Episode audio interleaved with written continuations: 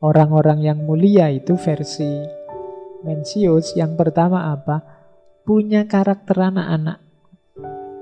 Maksudnya karakter anak-anak apa? Ketulusan. Keaktifan. Tanpa pamrih. Anak-anak kan selalu begitu. Anak-anak itu kalau bantu temennya, dia tidak mikir, dia hanya ingin kebahagiaan membantu temannya. Coba kalau lihat anak-anak SD, anak-anak di bawah itu TK itu. Kalau lagi main terus berbagi sama temennya kan dia tidak perhitungan nanti dia akan bantu aku lagi enggak. Dia seneng aja dia bantu temennya, lihat temennya seneng.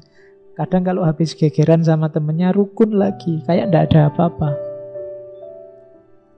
Kalau dia mer merasakan A, dia akan bilang A juga, itu anak kecil. Jadi sesuai kodratnya. Kalau kita kan tidak, kadang yang dirasakan A, keluarnya B. Karena kita sudah dewasa, tidak anak-anak lagi, sudah pinter ngapusi.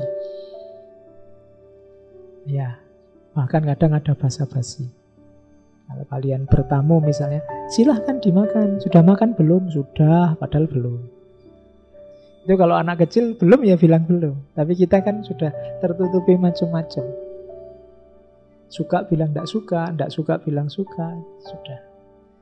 Kita sering rumit dengan karakter kita sendiri. Maka manusia mulia itu tulus, jujur apa adanya.